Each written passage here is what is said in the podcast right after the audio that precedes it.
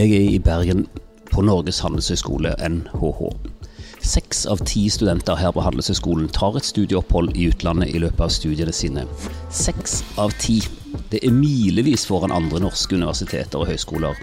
Studentene de, de drar ut på ulike ordninger, og den største enkeltordningen heter Erasmus+. Og nå lurer jeg på Hvorfor er det så viktig for Handelshøyskolen å sende ut så mange studenter?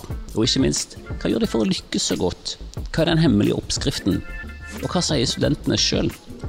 Mitt navn er Runo Isaksen, og denne episoden av Kvalitetstid skal handle om studentutveksling. Altså dette at norske studenter tar et semester eller to utenlands som en del av studiene sine. Stig Tenhold, som prorektor for utdanning på Handelshøyskolen, så har du det øverste ansvaret for hele Handelshøyskolens utdanningsvirksomhet, inkludert studentutveksling. Eh, jeg lurer først og fremst på hvorfor er det så viktig for dere i ledelsen på Handelshøyskolen å sende ut så mange studenter? Vi mener at det å ha eh, internasjonal erfaring, det er gull verdt eh, for enhver kandidat eh, som vi har. Vi tenker enten den internasjonale erfaringen kommer ved utveksling, eller å være eksponert for innvekslingsstudenter her. Eh, for å ta det helt sånn det, Motsatsen er jo du, du, kan ikke tenke deg noen som kommer på et jobbintervju og får avslag på jobb eh, med begrunnelsen at nei, vi ser egentlig etter noen som ikke har internasjonal erfaring. Vi ser etter noen som kun, kun, forholder seg til det norske. Det tror jeg ikke skjer. De aller aller fleste studentene som vi utdanner, de går inn i, i jobber hvor de vil jobbe mot utlandet. Sant? Norge har alltid vært en liten, åpen økonomi. Vi sitter i Bergen, en, en by som er, er, egentlig bygget på relasjonene mellom Norge og resten av verden. Mm. Ser, ser studentene veldig enkelt sjøl nytten ved å ta et internasjonalt, opphold som en del av studiene? Eller er det sånn at dere på en måte må bearbeide det og forklare og fortelle og inspirere? Vi, vi, fors, vi forsøker å, å, sette det inn i en ramme og forklare hvorfor, men, men de skjønner verdien på egen hånd. Altså, de skjønner at eh, det å lære er veldig mye mer enn bare det å være i et auditorium. Jeg, jeg synes jo det, det, er utrolig interessant å jobbe både med de studentene som kommer hit, men også de som har, skal ut eller har vært ute. altså Å, å høre og få, å få, de oppmerksom på hva dette er. Vi, vi, tenker den gammeldagse tankemåten er at, at lære på et universitet eller en høyskole som oss, det gjør du når du sitter i et auditorium og når du leser en lærebok eller lignende. Men poenget er at læringsprosessen er mye mye mer. Sant? Det er hele miljøet eh, rundt dette. Og hvis du ser på, på, på utveksling og erfar internasjonal erfaring, så er jo det virkelig også utenfor campus at de lærer veldig mye. Mm. Er det noe med, med, faget i seg sjøl, altså fagene på Handelshøyskolen, handel, økonomi og sånt, som gjør det spesielt gunstig eller nyttig og viktig eh, for studenter å ha internasjonale erfaringer? Norge har alltid vært en, det som vi gjerne sier, en liten, åpen økonomi. Vi, vi, er avhengig av resten av verden. Eh, og det betyr at kanskje mer enn en, innen andre områder så blir, kommer eh, studentene våre i sin senere karriere til å bli eksponert for verden utenfor. Mm. I større grad enn nødvendigvis en, en jurist eller en, en, sykepleier vil gjøre. Så er det, er det, mer sannsynlig. Så dette går jo tilbake fra altså I gamle dager så dro jo eh, eh, borgerbarna eller kjøpmannsbarna i Bergen dro utenlands for å få internasjonal erfaring også. Så, så, dette her er, er, noe med lange lange tradisjoner på, på handelshøyskoler. På, på nettsidene deres, på nettsidene til NHH så står det følgende NHH har en internasjonal profil og samarbeider med 195 universiteter og høyskoler i mer enn 50 land. Så kommer det en svær boks på nettsiden, og inni den boksen så står det 'Best i Norge på utveksling'. 60% drar ut 60% altså 60% av studentene tar et opphold i utlandet i løpet av studiene sine. Det, det, er, det, det, er, mer enn fire ganger mer enn neste norske universitet eller høyskole på denne oversikten. Så Handelshøyskolen har jo en enorm studentutveksling når du sammenligner med andre universiteter og høyskoler i Norge. Hva, hvordan får dere dette til? Hva, hva, er oppskriften? Hva er den hemmelige oppskriften hvis det fins? Der, der, er flere, der, er flere, elementer ved dette. Det ene er som vi snakket om, at vi er innen et fagområde hvor dette er vanlig. Vi er en type skole hvor dette er vanlig. Vi, har, vi samarbeider med Business Schools hvor dette er vanlig. Så har vi holdt på relativt lenge. Fra, fra midten av 80-tallet begynte liksom de første spede eh, trinnene. Jeg husker jo da jeg var student her, så kom, kom to eh, innvekslingsstudenter fra Italia. Dette var tidlig på 90-tallet. Og det var liksom så, den gangen så eksotisk at de fikk en helside i, i studentavisen. I dag så tar vi imot 350 semester uten å, å le på et øyelokk. Så det har jo gått gradvis. Og så er vi blitt med i, i enkelte, vi er med i enkelte internasjonale eh, samarbeids... Eh, eller kall det internasjonale organisasjoner en av de er SEMS, eh, som er et, et, et dobbeltgradsprosjekt. Vi har bevisst gått etter dobbeltgrader med store utvekslings... Eh, eh, med, med, gode institusjoner. Og nå er vi med i et såkalt, en europeisk universitetsallianse som heter Engage. Så vi har, altså fra toppen av så har, har dette vært ønsket fra, fra NHH sin side. Så er vi i en del av utdanningssektoren hvor det er relativt vanlig.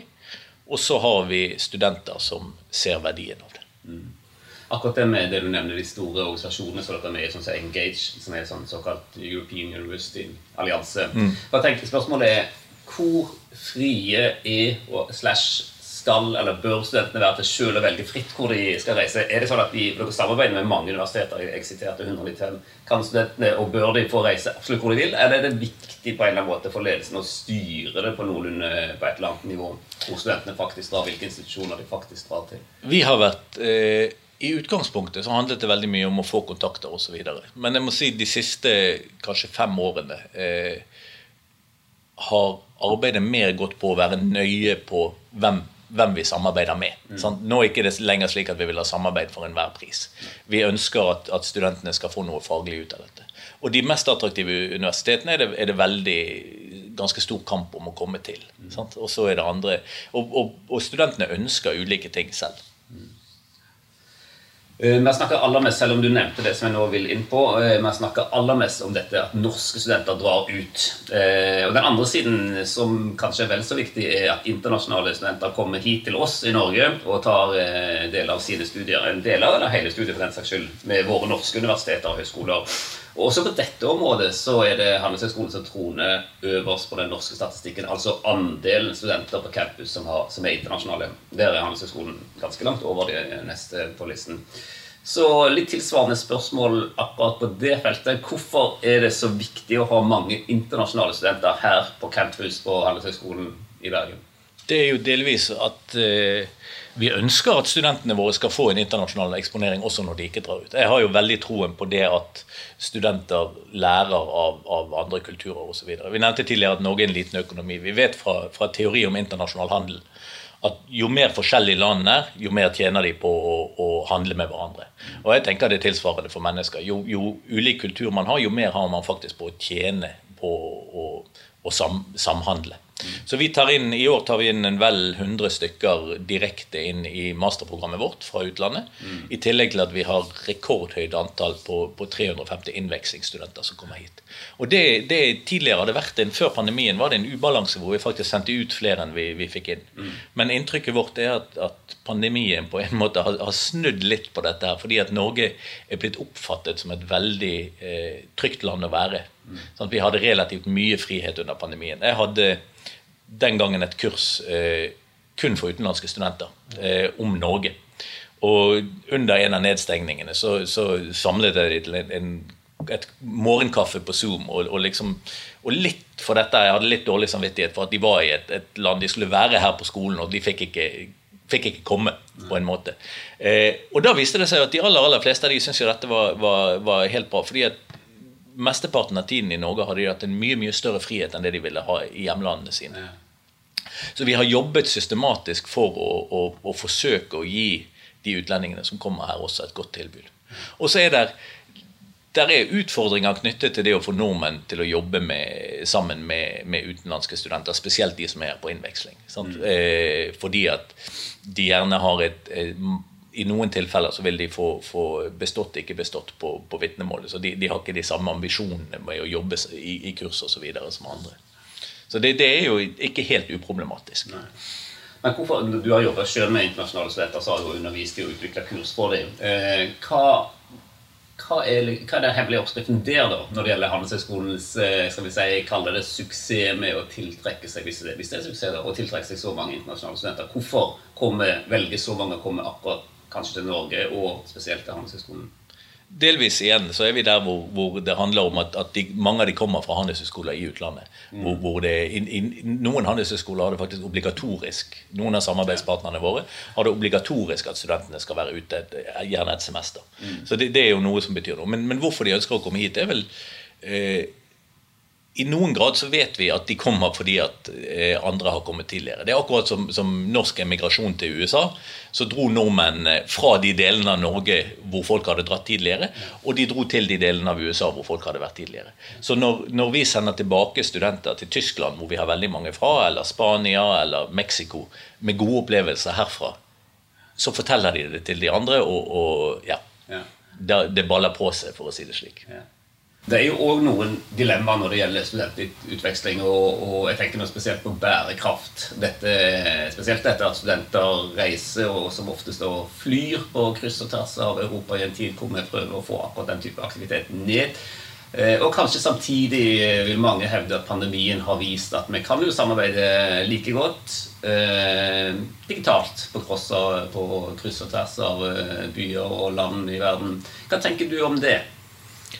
Jeg tenker at den type eh, reiser som er eh, relativt langvarige, sånn fire, fem, seks måneder, det er en type reiser som faktisk ikke er, ille. Skal vi, skal vi, virkelig gjøre noe, så er det, er det de, kort, de, kortvarige reisene som, er, som, som, nok er hovedproblemet. Eh, og jeg er ikke helt enig i at er, pandemien har vist at vi kan jobbe like godt digitalt. Pandemien har vist at vi kan jobbe bedre digitalt enn det vi gjorde tidligere, men det er fortsatt veldig, veldig store gevinster, mener jeg, med den faktiske fysiske opplevelsen av det å være et sted. Jeg mener at Er du eh, i et fremmed land, så får du andre perspektiver både på det landet du er, men også faktisk på ditt eget land. Eh, din egen hverdag. Du stiller en annen type spørsmål. Så vi, bruker vi det digitale også. Vi har studenter som følger kurs hos våre Engage-partnere eh, i denne universitetsalliansen online. Og det fungerer. Og vi har eh, studenter fra utlandet som følger kurs her. Og enkelte av partnerne våre, f.eks. Eh, partnerne våre i Østerrike, de har et opplegg som de kaller Exchange at Home. Mm. Hvor studenter som av ulike grunner ikke kan reise ut, f.eks. hvis de har familie, faktisk tar et semester med utelukkende kurs digitalt hos andre. Jeg vil jo si at det er en fin internasjonal eksponering, men det er jo veldig langt unna den virkelige opplevelsen av det å reise. Mm. Det handler jo også om å oppleve kulturer, om å reflektere, om å, å se på hvordan folk sitter på bussen Altså, der, der, er veldig mange elementer som man går glipp av hvis man ikke er til stede. På nasjonalt nivå så er Den nasjonale målsettingen at 50% av norske studenter skal ta et utvekslingsopphold i løpet av studiene sine. På Handelshøyskolen så reiser allerede 60% ut. Så mitt siste spørsmål hva er målsetningen til, deg, til, dette, til dette rektoratet og til Handelshøyskolen når det gjelder studentutveksling? Vi har ikke kvantifisert noe, noe spesifikt mål på dette. Men, men, målet vårt er jo at så mange studenter som mulig skal benytte seg av og få utbytte av de mulighetene vi har. En annen ting vi jobber med, er jo at når eh, studentene drar ut, skal de være mer bevisst på, på, på selve prosessen. Hva de kan lære, hvordan de kan lære osv. Mm. Ja. Ok, Stig Tenhold, tusen takk for praten, og lykke til med alt godt arbeid videre. Takk. Det var prorektor Stig Tenhold. Det var teorien, kan vi si. Og nå skal vi over til praksis. Jeg sitter nå på en benk utenfor Handelshøyskolen, og jeg er veldig spent på å høre hva studentutveksling egentlig handler om. Altså hvordan det føles på kropp og sjel. Og da trenger jeg jo å treffe en student. Amund Hannevik han er informasjonsansvarlig i NHHS, som er studentforeningen på Handelshøyskolen på e-post har han fortalt meg at han var på utveksling i Wien, Østerrike, våren 2021. Jeg har aldri møtt han før, så jeg er ikke helt sikker på hvem jeg ser etter, men her ser jeg at det kommer en ung herre sparadende imot. Kjappe fakta. Hvor var du på utveksling, og hva studerte du? Eh, jeg var i Østerrike, i Wien, og studerer økonomi og administrasjon. Kan du si litt om bakgrunnen for at du reiste ut på utveksling i det hele tatt? Altså, Hvordan ble interessen tent? Uh, allerede fra første gull så visste jeg at jeg ønsket å dra på utveksling. De presenterte masse god statistikk og viste at uh, over, ca. 50% drar på utveksling. Da visste jeg at jeg skulle bli en av de. Yeah. Så jeg bestemte meg allerede ganske tidlig i studieløpet at jeg ønsket å dra på utveksling. Yeah. Hvem, hvem, var det som fortalte deg om mulighetene sånn helt konkret? Eh, jeg husker ikke nøyaktig hvem det var, men i begynnelsen eh, så hadde de masse foredrag som 'Velkommen til NHH' mm. om at eh, Og de fortalte da om utvekslingsmulighetene. Mm. Og så begynte folk som jeg kjente, å prate om utveksling, hvor de, var, hvor de var, og hvor de skulle, og da ønsket jeg også å dra. Ja. Klarer du, Husker du, eller klarer du liksom å pinpointe hva som gjorde at du bestemte deg for at 'yes, jeg skal faktisk dra'? Det kan godt være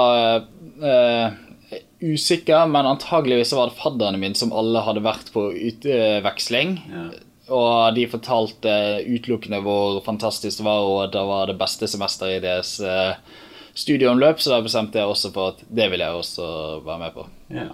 Før, før, du reiste, hva tenkte du på at du Hva nytte trodde du eller tenkte du at du ville ha dette? Altså, hva utbytte så du for deg at du ville ha av et slikt eh, et halvt år i, i Østerrike? Vel, det er jo en helt ny kultur, en helt ny by, og et annet språk enn det vi snakker uh, i Norge. Så jeg tenkte at det hadde vært egentlig at det hadde vært fantastisk å oppleve et nytt universitet, ny kultur, møte nye folk over hele verden. Så var det egentlig jeg tenkte skulle bli på en måte nytten. Og selvfølgelig da å gå et halvt år på et annet universitet og se forskjellene der. Ja.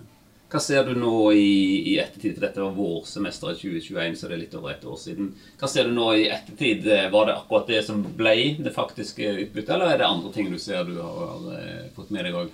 Nei, det var opprinnelig det som var det faktiske utbyttet. Vi, eh, Vennegjengen min fra utveksling holder fortsatt kontakt. Jeg besøkte en av de i Paris eh, nå nylig. Mm. Og også at jeg forbedret tyskkunnskapene mine og lært mer om eh, ja, litt mer eh, østerriksk kultur, og også om eh, ja, andre kulturer. Ja. ja, apropos østerriksk kultur. Kan du, kan du beskrive litt hvordan f.eks. en vanlig dag på universitetet så ut i, i Wien, og, og, og, kanskje reflektere litt over hva som var de, de største forskjellene fra det du er, er vant med her fra Norge? Um, jeg var jo under korona, så dessverre så var det veldig lite uh, fysisk undervisning. Men det var langt mer obligatorisk der. Uh, det var alt, og klassene var mye mindre. Mm. Type at uh, det var gjerne en klasse på 30 der vi var nødt til å møte opp, og så hadde vi litt forelesning, litt diskusjon, kanskje en quiz som telte 10% av karakteren min i begynnelsen. Så det var på mye mer måte, Du hadde hele tiden løpende vurdering. I motsetning til NHH, som gjerne har en kursgodkjennelse og så eksamen som teller 100 Det var litt annerledes. Ja. Likte du det mer? Altså, var det fordeler med det, Synes du? For det, det, er både fordeler og ulemper med det. Ja. Noen av fordelene var at eh, du lærte sykt mye på sykt kort tid, og du hele tiden var motivert til å lære å gjøre det bedre. Mm. Uh, fortløpende. Uh, og, men ulempen var jo at det var enkelte ganger det ikke passet om å måtte si nei til gøye turer og gøye aktiviteter fordi at du måtte lese. Ja. Mm. Hva, med, hva, med, den tiden som ikke handler om studiene og undervisning og sånt? Eh, helger, kvelder, eventuelle ferier og sånt. Hva, og kulturelle eh, erfaringer og opplevelser. Hva var det mest interessante eller bemerkelsesverdige du, du var borti? Um, enten så var det å se opera i Operahuset i Wien. Fantastisk å se orkesteret der spille og de fantastiske operasyngerne på scenen. Det var, det var som å være tilbake til storhetstiden uh, i wienerklassismen. Uh, ellers så var jeg også så EM-kamp i Ungarn. Det var også veldig gøy. Og selv om det var jeg satt på feil ende av tribunen. Ja. Dessverre så ble det Vent litt, jeg tar det var, fot, det var fotball-EM ja, 2021? Ja, det var mm. fotball-EM i 2021, og jeg så Tsjekkia mot Nederland i Ungarn. Ja. Ja, satt dessverre på nederlandsk side, og de tapte, så det ble litt dårlig stemning der. Men det var likevel en fantastisk opplevelse. Hva har du i dag som du ikke ville hatt hvis du ikke hadde vært på dette Erasmus pluss-oppholdet i Østerrike? Altså, Hva var det aller viktigste utbyttet for deg? Um, jeg hadde garantert ikke hatt vennene mine som jeg fikk på Rasmus pluss-oppholdet. Og det vil jeg si er det viktigste. Vi snakker oss jevnlig, vi møtes av og til. Og ja, vi holder fortsatt kontakten. Jeg vil si at det er det viktigste jeg fikk.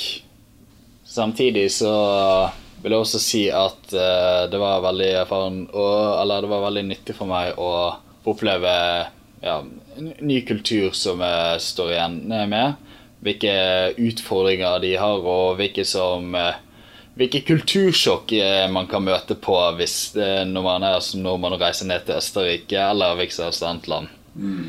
Så mer forståelse for det, kanskje, og mer forståelse for at ja, enkelte normer og tradisjoner er ikke sånn som vi har i Norge. Og det må man bare respektere. Ja. Mm. Hva, var det, hva, var det, største kultursjokket du, du fikk? Um, eh, butikker stenger ganske tidlig i Østerrike. Ja. Type sånn klokken åtte, så det var veldig irriterende. uh, og så var det mye mer uh, mistillit mot regjeringen der nede, så når jeg skulle hjem, så møtte jeg ofte på protester mot at kansleren måtte gå av, blant annet. Mm. Så det var hovedsakelig det. Ja. Mm.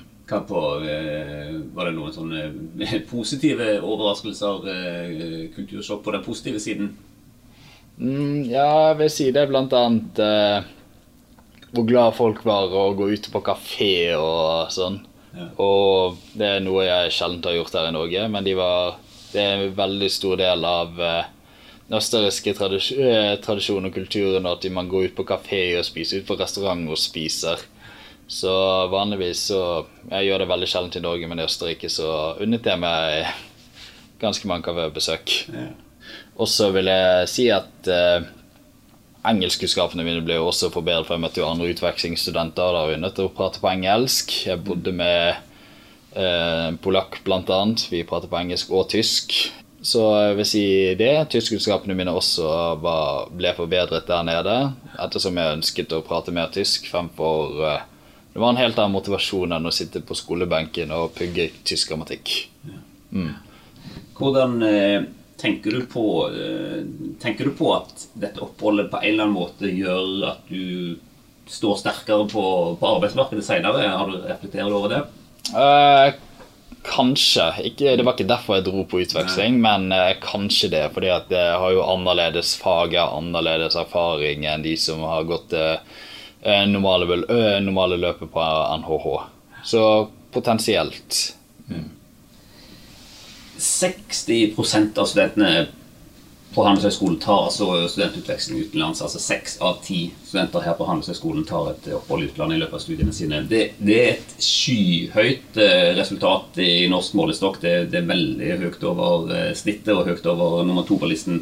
Hva tenker du som student? Hva er det Handelshøyskolen gjør eh, som gjør at de lykkes så godt med å sende så mange studenter ut? Hva er din erfaring?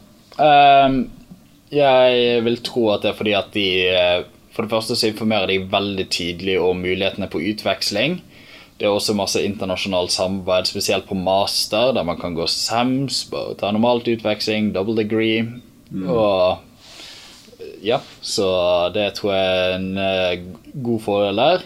I tillegg så tror jeg at Handelshøyskolen har en liten fordel med at det er en utelukkende økonomiskole, og kan derfor enkelt samarbeide med utelukkende økonomiskoler mm. eller andre universiteter som tilbyr det samme. Ja. Ok, Amund Hannevik, tusen takk for praten. Og lykke til med videre studier og med arbeid også når den tid kommer. Takk skal du ha. Eh, nå er jeg på vei for å møte Astrid Folldal. Hun har jobba administrativt med studentutveksling i mange år. I dag er hun leder for Handelshøyskolen sin seksjon for internasjonale relasjoner så Astrid Folldal må være rett person for å få svar på spørsmålet hva er det Handelshøyskolen gjør for å lykkes så godt med å sende ut så mange studenter? Hva er den hemmelige oppskriften? Du er altså leder for seksjon for internasjonale relasjoner, og du jobber tett med studenter som vil ut i verden. hva er din analyse? Hvorfor er det så utrolig mange studenter på akkurat Handelshøyskolen som tar et utenlandsopphold? Er det, er det, er det sånn at handelshøyskolestudentene er mer eventyrlystne enn andre studenter, eller er det andre faktorer? Eh, jeg tror kanskje ikke nødvendigvis at det er at de er så veldig mye mer eventyrlystne enn alle andre. Men eh, det er nå en gang sånn her at jeg, jeg, tror at det sitter litt i veggene, den her kulturen for å reise ut. Og, og det å tilegne seg internasjonal erfaring i løpet av studieløpet sitt. Det, det er noe som NHH begynte med for uh, veldig lang tid tilbake. Og det har blitt veldig etablert hos oss at uh, det å reise ut er en naturlig del av studieløpet. Mm. Så det er, studentene etterspør det, og de eh, ønsker å gjøre det. Og, og det ikke, de kommer ikke til oss og spør skal jeg reise, men hva tid kan jeg reise, og hvor. Ja. Ja hva, er studentene sjøl mest opptatt av før de reiser, og kanskje før de bestemmer seg for å reise, eh, når de overveier eh, om de skal reise eller ikke, hva er, de, hva er de egentlig mest opptatt av? Er det praktisk tilrettelegging, er det faglig utbytte, er det kultur, er det språk, er det nye opplevelser, er det eventyrlyst, er det alt dette, eller er det noe som du ser som er viktigere enn andre ting? Eh, jeg tror faktisk at studentene her er veldig opptatt av at det skal være trygt og relativt forutsigbart. Mm. De har Eh, de er veldig ambisiøse og har veldig travel timeplan. Og for at de skal på en måte klare å finne tid og plass til å gjøre og realisere alle planene sine, så må det være godt tilrettelagt. Og det må være mye å velge mellom, og det må være eh, godt tilpassa og innpassa som en del av studieløpet, slik at det ikke er for komplisert og ikke er for stor risiko for at nå skal gå galt. Det tror jeg de er ganske opptatt av, faktisk. Det tror jeg vi er inne på noe ganske viktig ut fra mine erfaringer. Og dette med tilrettelegging nevnte du. Hva, hva konkrete grep er det dere egentlig har gjort her på Handelshøyskolen? Helt konkrete grep for å, ja, egentlig for å få opp antall studenter som reiser ut, og, og tilrettelegge for at dette skal være så enkelt og greit som mulig? Mm. Eh, vi har jo selvfølgelig gjort en god del grep med å ha eh, en god partnerportefølje, og, og som da er godt tilpassa de ønsker og behovene som studentene har, og som vi er kvalitetssikra godt gjennom våre nettverkssamarbeid osv. Eh, I tillegg så er, har vi jobba veldig bevisst med tilrettelegging i studieplanen. Eh, der har vi bl.a. når vi starta opp med utveksling for ganske mange år siden i bachelorprogrammet vi gjorde om eh, på studieplanen på, til 3 pluss 2, mm. så, eh, så, så, var i begynnelsen da så var det ikke så godt tilrettelagt i bachelorprogrammet å reise ut.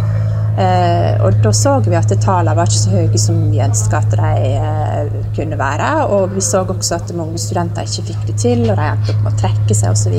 Selv om de egentlig hadde lyst til å reise. Så da, da jobba vi helt konkret med å, å, designe studieplanen på en sånn måte at eh, det var enkelt og tilrettelagt til å få til et semester som var anbefalt i studieløpet. Og så ga vi dem i tillegg eh, valgfrihet, slik at vi, hadde ett, vi har ett anbefalt semester, og så har vi også et annet semester det går an å få det til for de som er litt i utakt og ikke nødvendigvis kan reise akkurat i det anbefalte semesteret. Så tilrettelegging er viktig. Ja. Så det er ett semester, det er fjerde semester? På bachelornivå så er det det, og så er det de som da har gjort noe annet og kanskje har, litt andre planer for studieløpet sitt, de har også en mulighet til å reise ut i sjette semester. Mm. Ja, for Det er jo et poeng med Erasmus pluss f.eks. at man skal kunne reise ut og man skal få forhåndsgodkjent fagene som man skal ta på den institusjonen man skal reise ut til, mm. og at man ikke skal tape studiepoeng og ikke tape tid, selvfølgelig. Mm. Så hvordan sikrer dere akkurat det? Eh, det bruker vi faktisk ganske mye ressurser på. Å, eh, ha system for eh, hvordan vi forhåndsgodkjenner fag, hvordan vi tilgjengelig informasjon om tidligere forhåndsgodkjente fag for studenter som vil reise ut. Vi prøver å gjøre det så enkelt som mulig å søke. Og eh, ja, det, det, tror jeg faktisk er ganske viktig, for det som sagt så er studentene våre her ambisiøse. De vil fullføre på noe mer tid, de ønsker et godt faglig utbytte. og da mm. det der å ha liksom et godt system for at de, de vet det er en trygghet i at når de blir valgt ut til et universitet og får lov å reise dit, så finnes det fag, og det er fag som kan bli forhåndsgodkjent. Og så lenge de fullfører og består de kursene, så blir de innpassa. Så det å ha liksom hele den der prosessen veldig strukturert og forutsigbar, tror jeg hjelper veldig for å få opp tallene. hva, hva, pleier dere å si dere på, på seksjonen for internasjonale relasjoner? Hva pleier dere å si til studenter hvis og når, jeg antar når, de grubler litt på hvorfor de bør velge å ta et opphold utenlands? Hva, hva er de liksom, selling points for å si ja, dette, dette skal jeg gjøre? Vi er jo mye i kontakt med arbeidsgivere, og i karrieresenteret vårt det er jo en del av internasjonale relasjoner. Eh, så, så, for oss er jo det helt naturlig å knytte det opp mot det med arbeidslivsrelevans. Og det, er den internasjonale erfaringa i seg sjøl som du får, er jo viktig i seg sjøl. Og det å liksom lære et nytt, kanskje et nytt språk, eller bli bedre i et språk. og kjenne andre, bli kjent med andre kulturer og sånn, men det er jo også de, denne, andre kompetansene som en opparbeider seg gjennom å reise på utveksling. Det å komme til eh, et land, nytt land og en ny plass uten nødvendigvis å ha så stort nettverk. Og det å liksom lære seg å være alene, og det å være, liksom, jobbe med å bli mer robust. og Alle disse egenskapene som arbeidsgivere faktisk er veldig opptatt av da, når de skal ansette kandidater. Du, du får jo en enormt god mulighet til å utvikle deg eh, på, på, på, mer sånn skills når du er på utveksling også. da. Og det å liksom, ja, utvikle deg som menneske, ikke bare de fagene som du tar, og den, den, nye perspektivene du får på, på, på, det faglige nivået, og, og, alt det med kulturkunnskap og språk og sånn, men også det der med personlig utvikling. da. Mm. legger vi vekt på. Ja. Seks av ti av dere studenter tar altså et utvekslingsopphold utenlands. Seks av ti. Det er jo et enormt høyt tall. Eh, og den største, Det er mange forskjellige ordninger de reiser på, og den største enkeltordningen heter Erasmus pluss. Jeg har sett litt på ferske tall fra Erasmus pluss, og som viser at, at Handelshøyskolen sender ut over fire ganger flere studenter på, på Erasmus pluss enn neste norske universitet eller høyskole på listen. Fire ganger mer, altså. Det er jo enormt høye tall. Eh, og da snakker vi selvfølgelig ikke om antall, men andel. altså at det er en veldig stor andel av doktorstudenter som tar utveksling på Erasmus pluss og på andre måter. Men hva vil du si om Erasmus pluss eh, spesielt? Hvor viktig er Erasmus pluss i deres internasjonale arbeid, og, hvordan og, og hvorfor? Ja, så Erasmus pluss er jo en gavepakke til både studenter og institusjoner, tenker jeg. da. Eh, det å få Erasmus-stipend er jo eh, luksus for studentene å få i tillegg til vanlig lånekassestøtte. Det er ingen skolepenger involvert i tillegg, så studentene trenger ikke betale noe ekstra for å, å studere ved andre universitet.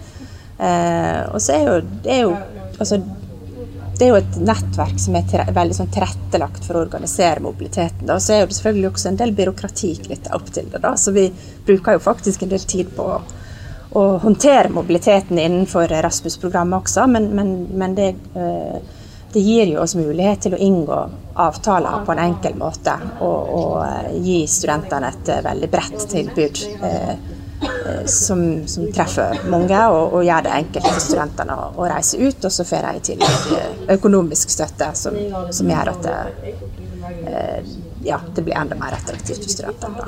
Ja. Akkurat når det gjelder Erasmus pluss, så kan studentene velge mellom Erasmus pluss studieopphold, som er egentlig det vi har snakket om hele tiden, at man reiser ut og studerer et semester typisk. Det kan være to, men vanligvis ett. Dette er den klassiske studentutvekslingen. I, i, så det er den ene muligheten i Erasmus pluss, og den andre heter Erasmus pluss praksisopphold, som innebærer at studentene er i praksis, altså i jobb, som en del av studiene. Og dere satser også tungt på det på praksisopphold. Vil du fortelle litt om det, hvordan dere jobber med det? Ja. Um, ja, det har jo kommet egentlig mer og mer nå i det siste. Og det er jo liksom knytta til det at det blir mer større fokus på at vi skal ha, gjøre programmene våre arbeidslivsrelevante. Mm. Uh, og vi har jo jobba med karrieretjenester opp mot studentene i ganske mange år nå. Og siden vi uh, som handelshøyskole er så internasjonale i utgangspunktet, så begynte jo vi faktisk med karrieretjenester på internasjonalt område ikke på nasjonalt. Og det er liksom egentlig ganske omvendt av det de fleste andre gjør, at vi begynte i den enden. Eh, og da ble jo det egentlig ganske fort eh, klart for oss at her var jo det et potensial til å faktisk få studentene ut gjennom Erasmus-programmet på praksis og få internasjonal arbeidserfaring.